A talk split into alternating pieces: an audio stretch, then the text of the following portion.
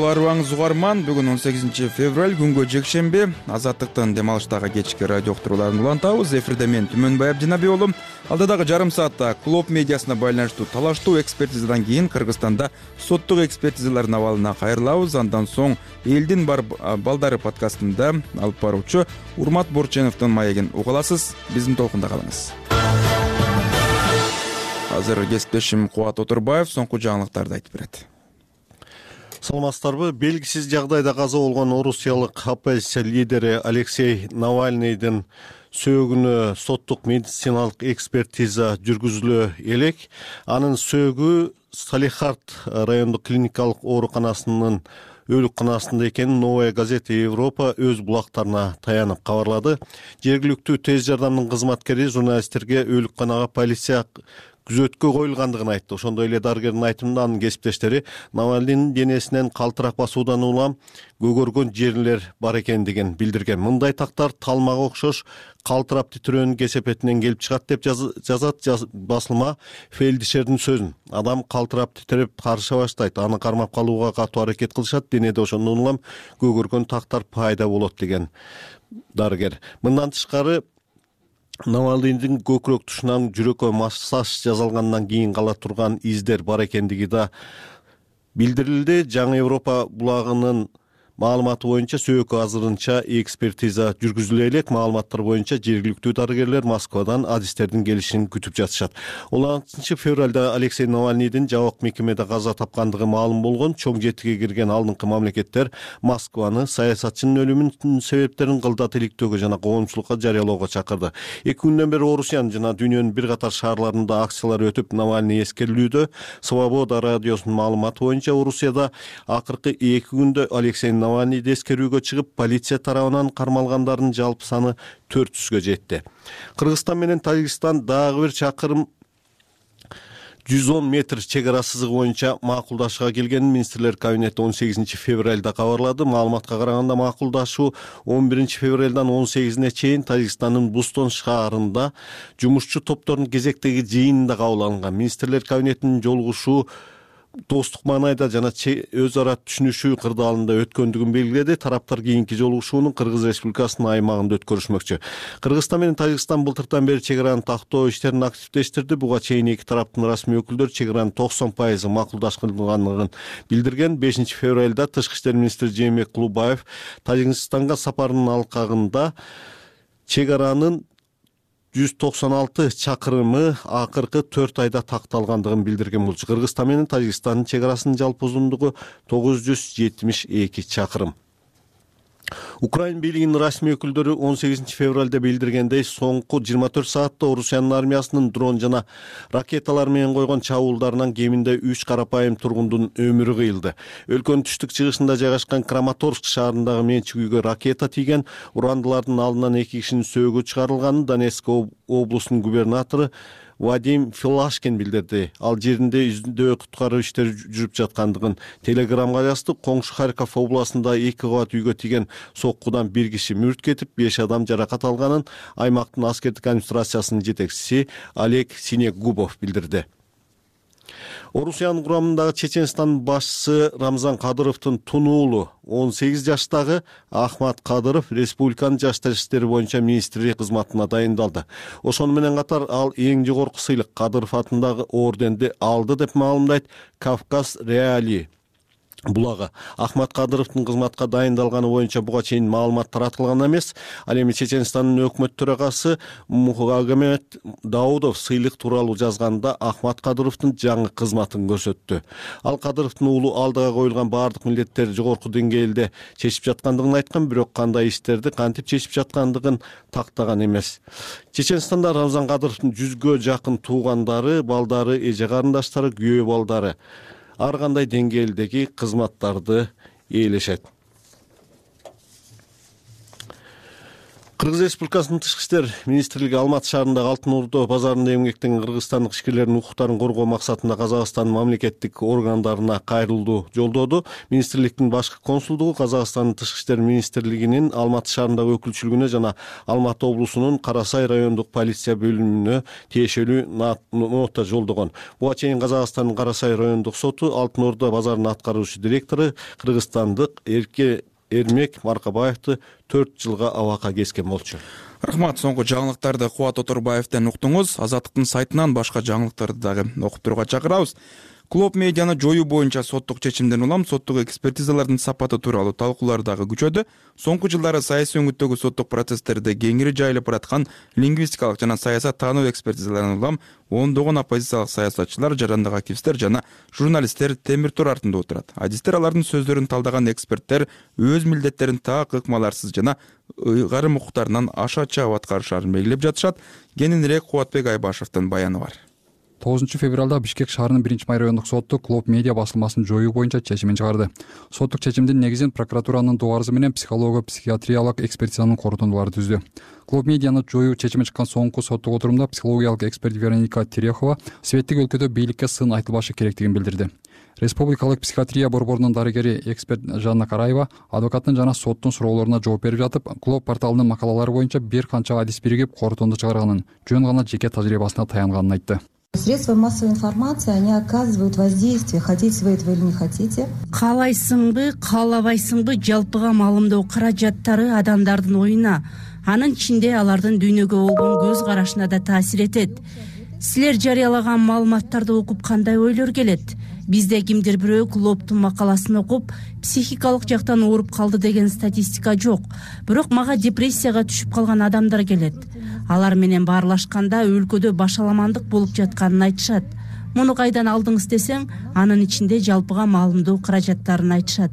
Мы это взяли из средств массовой информации в том числе бишкек шаардык прокуратурасы клоптун сайтын жабуу боюнча сотко кайрылганы былтыр жыйырма сегизинчи августта белгилүү болгон. Шаардын прокурору эмилбек абдыманаповдун арызында клоп басылмасы азыркы бийликтин жүргүзгөн саясатын кескин сындап мамлекеттик муниципалдык ишканалардын өкүлдөрүнүн кадыр баркын кетирүүнү көздөгөн терс мүнөздөгү маалыматтарды көп жарыялай турганы жазылган көзөмөл органы катында клоп медиа уставында көрсөтүлгөндөн сырткары ишмердик кылып сайтында жана социалдык тармактарда жарыялаган материалдары азыркы бийликтин жүргүзүп жаткан саясатын кескин сындоого багытталган деп билдирген. Доо арызында кыргызстандагы бир катар көйгөйлөрдүн себеби катары басылмасын көрсөткөн. Басылманын башкы редактору анна капушенко көз карандысыз экспертизанын корутундусу эске алынбай мамлекеттик экспертизанын корутундусу соттун чечими менен өзөгүн түзүп калганы көп нерсени айтып турганын айтат. Ал соттун чечими жогорку жактын ишараты менен болду деп эсептейт. Мы не согласны с качеством биз экспертизанын сапаты менен компетенциясына макул эмеспиз. Биз альтернативдүү экспертиза жасаткан болчубуз. Аны судьяга бергенбиз. Сотто окуп да бердик. Бирок аны көңүлгө алган жок. Негизи бул абдан таң калыштуу жагдай анткени бул экспертизалар башынан эле кылмыш иши үчүн жасалган болчу. Эмне үчүн ал соттун басылманы жоюу боюнча чечиминин негизине киргени бизге такыр түшүнүксүз бул юристтер үчүн да түшүнүксүз болууда. Башында прокуратура уставда биздин ишмердигибиз боюнча маалыматтын жетишсиздигине дооматын билдирип жаткан болчу. Ага жараша биз коомдук фондду кайрадан каттоодон өткөрүп уставга элге маалымат жайылтуу жөнүндө зарыл болгон маалыматты кошконбуз. Шарттуу түрдө биз прокуратуранын талаптарын аткарганбыз. Биздин көз карашта сот ушуну менен ишти кыскартышы керек болчу бирок жыйынтыгында чечимди экспертизанын корутундусу боюнча чыгарып коюшту. Менимче корутундуда жазылгандар боюнча эксперттерде далилдер жетишсиз болгону баарына эле түшүнүктүү болсо керек. Жалпысынан эксперттер компетентсиз бирок сот ушундай чечим кабыл алды. Биз аны баардык мыйзамдуу жолдор менен даттанабыз. Биздин көз карашта мындай болбош керек эле. Биз чечим жогору жактан түшкөн деп эсептейбиз. Решение было спущено сверху клоп медиадан тышкары дагы ондогон кылмыш иштери боюнча комплекстүү экспертизалар жүргүзүлгөн. Мындай экспертизага лингвистикалык психиатриялык теологиялык жана саясат таануу жаатындагы талдоолор кирет өндүрүш токтонасыров өлкөдөгү демократиялык баалуулуктардын таламын талашып келген жарандык активисттердин бири. Эркиндикти чектеген адам укуктарын бузган кандай жагдай болбосун өзүнүн позициясын нааразылык акциялары жана социалдык медиадагы посттору аркылуу билдирип турат. Эки миң жыйырма үчүнчү жылдын март айында анын посттору боюнча кылмыш иши ачылып тергөө иштери башталган. Ага расалык этникалык улуттук диний аймактар аралык кастыкты козутуу беренеси боюнча айып тагылган. Активист мындай айыптоого анын социалдык медиалар аркылуу бийликти тынымсыз сындап келгени себеп болгон деп эсептейт. Менин жактоочуларым э, жана өзүм кошулуп сотко мурда эле жалпы комиссиялык түрдөгү эксперттерди түзөлү десек баш тартып койгон. Бизди өтүнүчтү аткарбайчы бирок менин жактоочуларымдын аракети менен нарымбаева деген филология илимдеринин доктору эксперт адис келип көз каранды эмес эксперт катары өзүнүн жыйынтыгын чыгарып берген. Анан жыйынтыкта так кесел айтылган ошо токтор насыровдун жазган постторунда улуттар аралык катнашууга жол ачкан чакырык жасаган эч кандай белгилер жок. Деп анан ал жыйынтык чыгарганына карабай эле сот эмнегедир прокурордун өтүнүчүн аткарып комиссиялык эксперттерди дайындоого чечим чыгарган. Менин билишимче үч адамдан турган эксперттик комиссия иштейт имиш э, психолог э, филолог анан дагы э, саясаттануучу ушундай. Бул жөн гана мен жарандык активист катары ордума коюп жаагымды жаап унчукпай жүр деген эле жөн эле аракет булардыкычы соттук экспертизаларды жүргүзгөн атайын мамлекеттик кызмат бар. Өзүнүн карамагында тийиштүү адистер жок болгон учурда ал лингвистикалык саясаттануу психикалык жана психологиялык экспертизаларды жүргүзүү үчүн улуттук илимдер академиясынын республикалык психикалык неврологиялык борбордун жана башка расмий мекемелердин адистерин тартат. Соттук экспертизалык кызматтан мекеменин ишмердиги жана экспертизаларда колдонуучу ыкмалар боюнча маалымат алуу мүмкүн болгон жок. Кызматтын жетекчисинин орун басары кубан нурланов катчысы аркылуу бошобой жатканын билдирип байланышуудан баш тартты комплекстүү экспертизалар кемпирабачылардын ишине. Жарандык активисттер ырыс чекшеналиев автандил жоробеков олжобай шакир адилет балтабай зарина төрөкулова тилекмат куренов массалык маалымат каражаттарына некс твнын директору таалайбек дүйшембиев клоп медиа азаттык медиа жана башкалардын иши боюнча жасалган. Алардын баарында тең эксперттер айыпталуучулардын сүйлөгөн сөздөрү менен жарыялаган материалдарында бийликти басып алууга жапырт башаламандык уюштурууга мамлекеттик түзүлүштү кулатууга улуттар жана аймактар аралык качтыкты козутууга чакырыктарды жасаган деген корутундуларды чыгарып берген медиа полиси уюмунун юристи акмат алагушев көптөгөн чуулгандуу иштер боюнча экспертизаларда айрым эксперттер соттун функциясын аткарып калган учурлар болуп келатканын жана мындай көрүнүш мурунку президент алмазбек атамбаевдин заноса сайтын сотко берген учурда башталганын айтат. Бирок анда жарандык процесске карата колдонулган болсо кийинчерээк кылмыш иштеринде да эксперттердин жардамын колдонуу тажрыйбасы жайылып баратканын айтат юрист бул баягы жарандык процесс болчу да. Азыр болсо уже уголовный жагынан согуп атышат да элдердин тагдырына неметипчи бул түздөн түз зыян болуп атат да. Анткени булар баягы ангажированный жагы болуп атат да. Анан баягы профессионалдуу эмес тергөөчүлөр болсо түздөн түз көпчүлүгү укуктук суроо берип атат да. Алар болсо ошондой суроолорго жооп берип атышат. А бул туура эмес. Бирок баардыгы эмес. Мындай төрт беш э, неме бар да. Көпчүлүк могу кастык козутуу массалык башаламандык анан баягы бийликти күч менен кулатууга баягы чакырыктар. Ошонун баарын тергөөдөн берилген суроолор туура эмес да. А бирок тигилер аны карабастан баягы жооп берип атышат. Андан тышкары баягы жок нерсени бар деп атышат да. Мисалы баягы чакырыктар барбы? Чакырык каяка? Ага жооп бербей атышат. Иши кылып баягы ката кемчиликтер көп. Ал службаданчы. Эми мына могул эле он бир журналисттин үстүнө иш козголбоо себеби анткени ошо корутунду бар да. Корутунду бар. Ал корутунду мындай карап көрсө аякта баягы жок нерсени бар деп атышат соттук саясаттануу экспертизалары көбүнчө саналуу гана эксперттерге жөнөтүлөт. Улуттук илимдер академиясындагы мамлекеттик укук институтунун илимий кызматкери азамат жанышбек уулу акын жана жарандык активист олжобай шакирдин иши боюнча да саясаттануу экспертизасын жүргүзгөн. Ал аталган иштин алкагында чыгарган корутундусу боюнча азаттыктын суроолоруна берген жообунда активисттин постторун саясаттануу илиминдеги ыкмалар боюнча талдаганын айтат. Эгембердик олжобай деген жарандын кайрылуулары он тогуз барактан турган публикациялары келип түшкөн. Бир видео запись бар болчу. Ошол материалдын негизинде биз илимий политологиялык политология илимине методдоруна таянып экспертиза жүргүзгөнбүз. Ошону менен биз ушул жарандын сөздөрүндө чакырыктар бийликти күч менен басып алууга жана башаламандык уюштурууга чакырыктар бар деп жыйынтыкка келгенбиз. Айта кетишим нерсе бул баарыбызга маалым болгон август айынын башында ошо төрт пансионат өзбекстан инвесторлорго ижарага берилди де бул жарананын мыйзамсыз берилген деген дагы буйрук такталбаган маалыматты тараткан. Андан соң отуз биринчи августту августта мыйзамсыз митингге келип берчү келип берүүгө чакырган.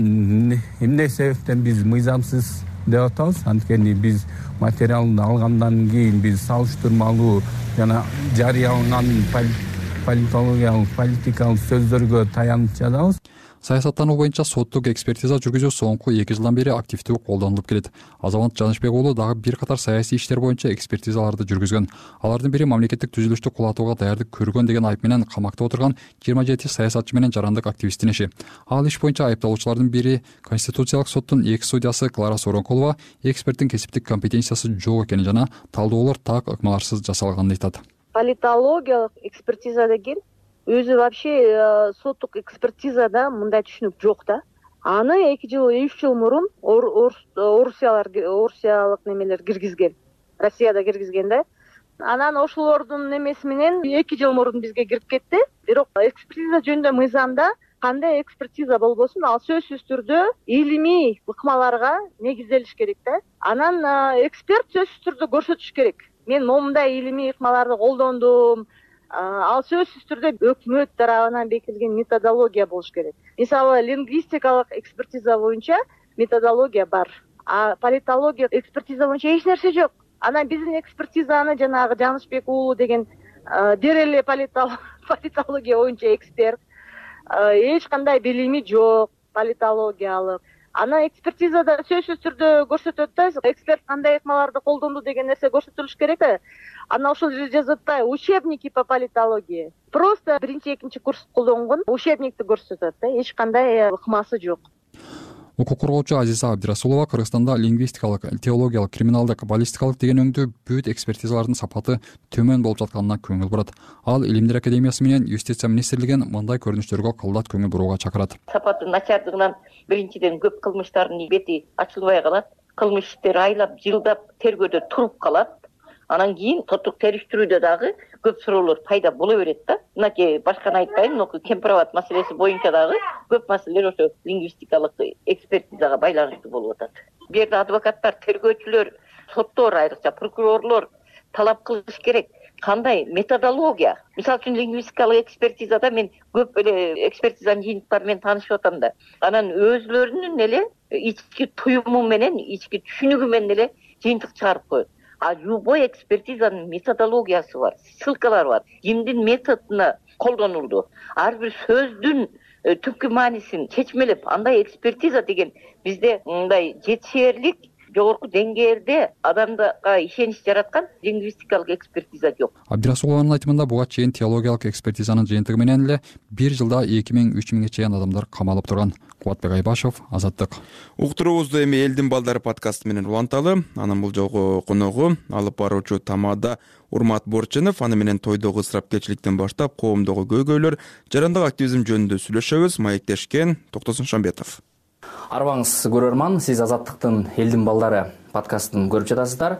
Бүгүн биз э, алып баруучу тамада урмат борченов менен баарлашабыз э, урмат экөөбүз бүгүн ушу тойдогу ысырапкерчиликтен баштап коомдогу көйгөйлөр жарандык активизм жөнүндө сүйлөшөбүз. Студиябызга кош келипсиз рахмат рахмат.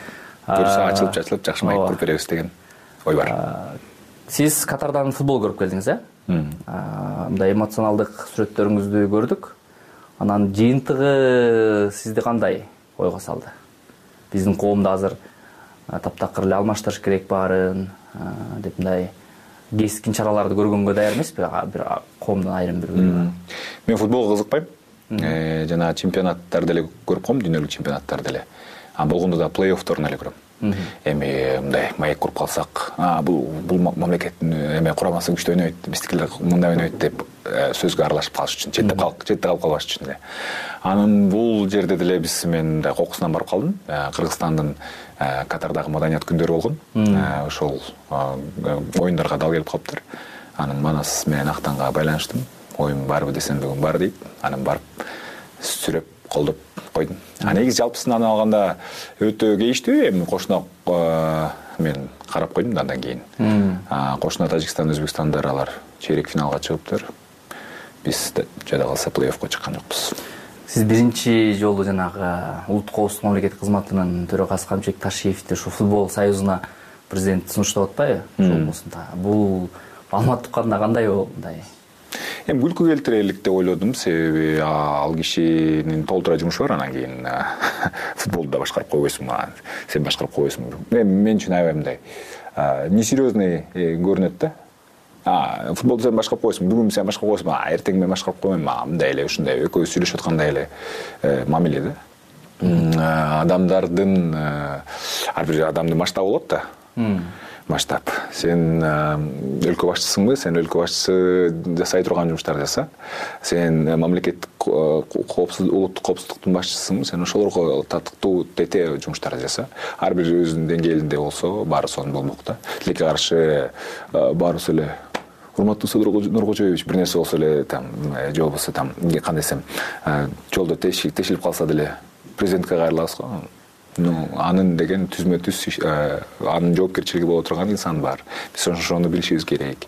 Анын компетенциясына келе турган э, кире турган э, ошого ылайыктуу балким бир адам бардыр. Бирок менин оюмча ал ташиев эместир менин оюмча. Кыргызстан эми мындай чакан өлкө да кичинекей деп айтпайлы чакан да кичинекей болгону менен мындай маалыматтар да бат жетет да. Мисалы таластагы көйгөй дароо нарынга жетет. Э, ат баштагы көйгөй бишкекке жетет дегендейчи. Анан ушундай кичинекей өлкөдө балким мамлекет жетекчилери ушинтип баарына жетишип көзөмөлдөп туруш керек. Же бул туура эмес э, мындай системабы ооба ар бири туура бөлүштүрүлүшсө ар ким өзүнүн ордунда болсо жакшы болмок. Менеджерлик. Албетте. Менеджерлик менеджерлик. Дүйнөдө ошо спорт болобу чыгармачыл адам болобу артист болобу же блогер болобу мындай аты таанылып калса инфлюенсер болуп калса коомдо кайсы бир пикирди калыптандырууга салым кошкон адам болсо ал сөзсүз позициясын билдирет да коомдогу кандай учур болбосун себеби кыргызстанда бул кандай ушул болуп атабы азыр? Биздики бир аз оорураак дароо эле мындай оорураак тема болуп ателу дароо саясат башталып калбадыбы башталып кетти. Э эми мен сурагым келип атат да мына жоопко татаалдаштырбаш үчүн. Жоломан шаршенбеков жөнүндө туу боюнча аябай талкуу болду. Анан бийлик өкүлдөрүнүн айрымдары буга сен кийлигишпе спортуң менен алек бол дегендей таризде айтышты да мааниде жарандык активизмдин мааниси эмнеге эмнеге маанилүү?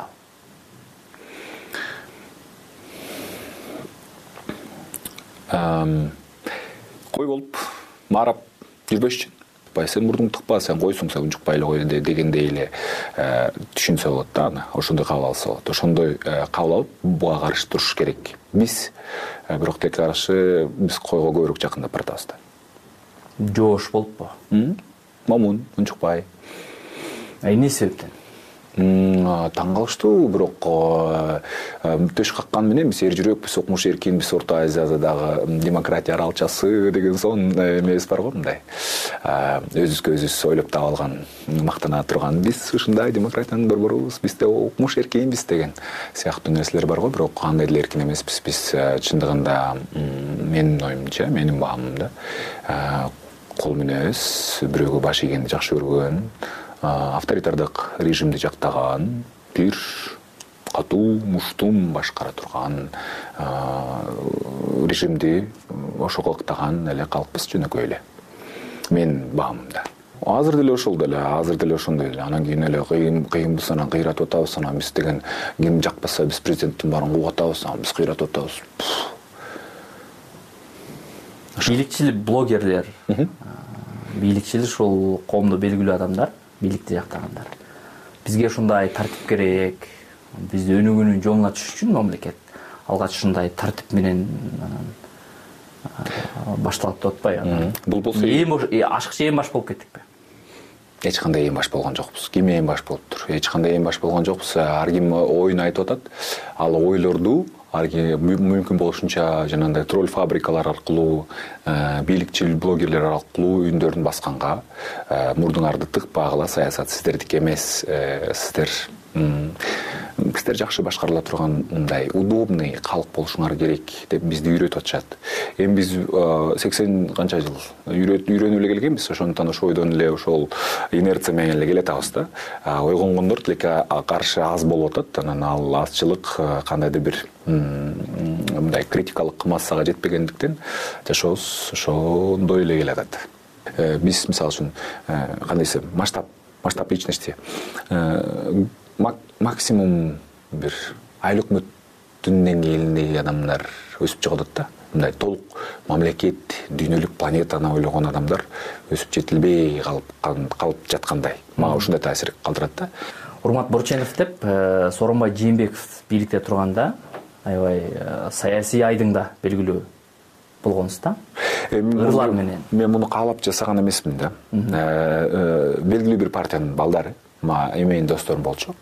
Алар ушундай флешмоб жасайбыз тажадым деген флешмоб жасайбыз урмат сен бир нерсе жазып чыгарып койчу эми сени эл билген анча мынча алып барчусуң дешти анан кийин баарын байкасам бир нерсе тажадым деген аябай мындай примитивдүү нерсе экен да анан кийин баарын эсептейли дагы ушуну бир ыр кылып чыгарсам кантет деп чыгарып койдум. Анан кийин мынчалык популярный болуп анан мынчалык адамдар кайра дагы экинчи үчүнчү төртүнчү бешинчи сериясын талап кылаарын э, күткөн эмесмин. Анан акырында жыйынтыгында ошол бешинчи алтынчы серия болуп анан жыйынтыкталды. Мен муну жыйыштырайын деп чечтим. Себеби мунун тилекке каршы таасири чоң эле окшойт. Анан э, жыйынтыгын тилекке каршы мындай шулундар башка э, туура эмес адамдар колдонуп кетиши мүмкүн экен. Ооба ошол учурда биз э, сураган себебим чыгармачыл адамдар кандайдыр бир жарандык позициясын билдирип баштаса бийлик тараптан азыркы эмес ар дайым эле бийлик тараптан кандайдыр бир басым болот дейт. Ошол кандай формада болот? Тааныштар аркылуу айттырабы же өздөрү түзө эле айтабы чыгармачыл адам аябай назик анан коркок болот. Анан аябай эми ал деле элдин бир мүчөсү да. Ал туруп туруп эле мен бүгүн эр жүрөк болуп калдым дебейт да. Мен деле мисалы үчүн өтө коркок экенимди аңдадым түшүндүм ошон үчүн мен унчукпай эле жүрөм эч кимге сын айтпай эле жүрөм. Болбосо э, мен тетиги журналисттердин таламын талашкым келбек. Мен мисалы үчүн э, сотторуна барып сүйлөгүм келмек мисалы үчүн эми кандай десем. Жүрөгүм ошону каалайт. Бирок э, коркок болгонум үчүн унчукпайм эчтеке дебейм менин соц тармактарым таза мен унчукпайм эч кимге мен аябай сонун татынакай. Мыйзам менин суроом жанагы кандай формада болот деген ал ушул суроону да сүйлөшөбүз. кандай формада болот? басым коркутуу сурануу болобу же эскертүү болобу да. Мага лично өзүмө кандай болду эле эми ал убакта кичине балким кичине алсызыраак болчу бийлик. Ошон үчүн ну и плюс мен ачыктан ачык мындай башаламандыкка же болбосо эми айла жок эч нерсесине илине албай калды окшойт. Болгону ошол достор аркылуу сен өзгөчө учеттосуң. Сени аябай сага көңүл буруп атышат сен анан кийин жумуш анда ктрде эме диктор э, алып барчу штаттан тышкары диктор болуп иштечүмүн сен урмат ктрден чалышты ушунуңду жөн эле койбойсуңбу анан алып койбойсуңбу дешти. Ушул ырларыңды алып койбойсуңбу дешти анан кийин мен айттым. Ну биринчиден бул ктрдин эфири эмес бул менин баракчам. А экинчиден бул менин оюм. Мен оюмду ачык айткым келет. э, канча сурансаңар дагы албайт экенмин жумуштан алсаңар мен анда кубанычтамын дедим болду. Азыр э, себебин айтып өттүңүз ошо кененирээк айтасызбы азыр эмнеге мындай активдүү эмессиз азыр деле айтасыз азыр деле жазасыз бирок анчалык эмес? Мен коркокмун. Мен э, көрсө жоокер эмес экенмин мен барып чындап э, мындай кадимкидей ошол акыйкаттыктын таламын талашып күрөшкүм келет. Ошол акыйкаттын бир бөлүгү болгум келет. Болбогонум үчүн дагы өзүмдү өзүм аябай жектейм бирок экинчи четинен коркок коркок экенмин. Эмне эмнеден коркосуз эмнеден корком? Ну мисалы үчүн айталы э, көп көп сүйлөп алдым. Же болбосо укмуш э, катуу постторду жазып чыктым. Эртеси келип алып туруп тыгып салышты мисалы эч ким эчтеке дебейт турбайбы? Сен элдин элдин сөзүн сүйлөдүң эч ким элдин ырысын жеп аткандарды ашкереледиң эч кимге баарына баары бир турбайбы? Супер. Анда баарына баары бир эмес балким ошо баары бир болуп аткандар да коркуп аткандыр ошо коркуп жатып атпайбы мен сүйлөсөм алар деле коркушат. Демек аларды күнөөлөбөйсүз аларды күнөөлөбөйм коркуп атканы үчүнчү сиз айтып атпайсызбы азыр коом кул мүнөз болуп калды депчи. Кул мүнөз эле кул мүнөз бойдон жүрөбүз. Анан кийин анча мынча ойгонгондор бар алар балким кээде кээде сүйлөшүшү мүмкүн. Мурун бир аз үндөрү катуураак чыкчу азыр деги эле чыкпай калды болду. Ошол эле. Ошо анан кийин биз деле ошол коркоктордун катарын толуктап унчукпай татынакай болуп жүрөбүз. Мындай кандай десем удобный болуп урматтуу угарман сиз алып баруучу тамада урмат борченов менен болгон подкастты уга алдыңыз толук видео вариантты азаттыктын youtube каналынан көрсөңүз болот. Ушуну менен азаттыктын кечки берүүлөрүн жыйынтыктайбыз. Аны мен түмөнбай абдинабиұлы алып бардым. Жаңылыктарды кубат оторбаев айтып берди. Эфирдик пультта максат акматжан болду дем алыш күнүңүздөр көңүлдүү улансын